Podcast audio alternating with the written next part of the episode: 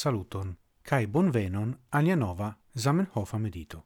Hodiau, mi volas legi cae mediti cun vi sur articolo el la gazeto la esperantisto, kiu aperis en la iaro 1893.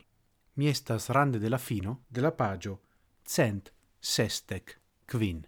Cun gioio ni rapportas al niai amicoi, che dank alla tuta fortigita stato de nia afero, la creado de la longe attendita ligo academio esperantista farigis fine ebla.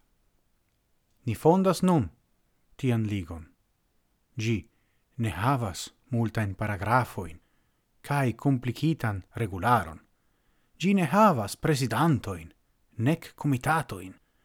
Gi consistas el ciui effectivai esperantistoi, tio estas abonantoi de nia centro oficiala gazeto, cae conducados siain aferoin tre simple.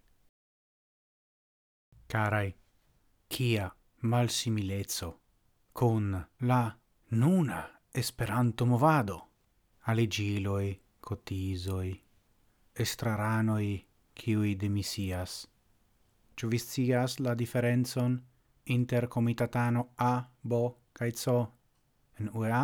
Mi ne, verdire. Shainas al mi che la burocratigio de la movado estas unu, e la cefai causoi de gia criso. Multa iunae homoi foriras, cae perdas la entusiasmon en la tuta afero, cae in tiu senso temas pri la Zamenhofa interpreto de la afero cun maiuscla A, giuste pro tio, ili eniras cae faras laboron por plenigi paperoin. Eble, ni devas pripensi la structurigion de la Esperanto mondo aparte nun ciam ni estas comence de la nova covima epoco.